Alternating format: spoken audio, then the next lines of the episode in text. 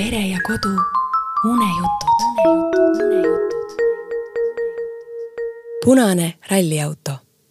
Kati, Saamuel ja Ruuben Orav. elas kord punane ralliauto, kes armastas hirmsasti kihutada. sõbrad ütlesid talle tihti, et kihutada ei tohi ja ta püüdis küll aeglasemalt sõita, aga ikka oli ees mõni sirge ja sile tee ning kiirus kasvas iseenesest. ühel päeval läks ralliauto jälle sõitma. algul sõitis ta aeglaselt, siis järjest kiiremini ja kiiremini. väljas oli ilus ilm, ralliautol hea tuju ja üpris varsti kihutas ta kui tuul suurel maanteel. Õnneks oli vaikne pärastlõuna ja liiklust vähe. kõik oleks võinudki hästi lõppeda, kui tee poleks teinud järsku keerakut. see tuli ralliautole väga ootamatult ja nii leidis ta ennast ühtäkki kraavist, ratas alt ära kui ta ehmatusest toibunud oli, püüdis ta kraavist välja sõita, kuid tulutult. kolme rattaga ikka suurest kraavist välja ei tagurda. punane ralliauto vaatas ringi, et kedagi appi kutsuda, aga maantee oli tühi.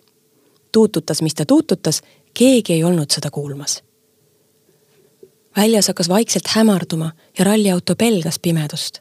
talle kippus juba pisar silma, kuid õnneks kuulis ta samal hetkel tuttavat häält mööda maanteed lähenes tema parim sõber, roheline traktor. ralliauto tegi nüüd nii kõva häält, kui suutis, aga tundus, et traktor ei kuule teda. järsku jäi traktor seisma ja vaatas ringi. ta nägi oma sõpra ja sõitis tema juurde. mis sinuga on juhtunud?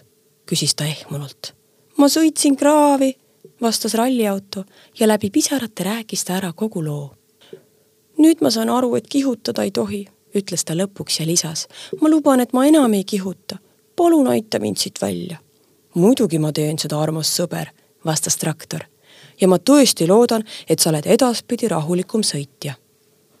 punane ralliauto noogutas ja nuuskas oma nutust nina. mul ei ole konksu ja ma ei saa sind ise välja, ütles traktor. Õnneks on garaažid lähedal ja kindlasti saab sinine veoauto meid aidata. Lähen otsin ta üles roheline traktor sõitis garaažide juurde, kus nad kõik koos elasid ja hüüdis veoautot. keegi ei vastanud. traktor tegi ringi ümber garaažide, aga ei näinud kedagi. ta hakkas juba natuke muretsema, kui ühtäkki kuulis kolinat, mis tuli garaažide kõrval olevast laohoonest. traktor sõitis asja uurima ja leidis eest sinise veoauto. mis sina siin kolistad? küsis ta sõbralt tegin suurpuhastust ja viskasin ära suure hulga vanu köisi, mida enam vaja ei lähe. mulle tundub, et kohe läheb, muigas traktor ja rääkis ralliautoga juhtunud loo. aga siis peame ruttu tegema, sest kindlasti pole tore üksi seal pimedas kraavis olla, ütles veoauto ning koos asusid nad teele.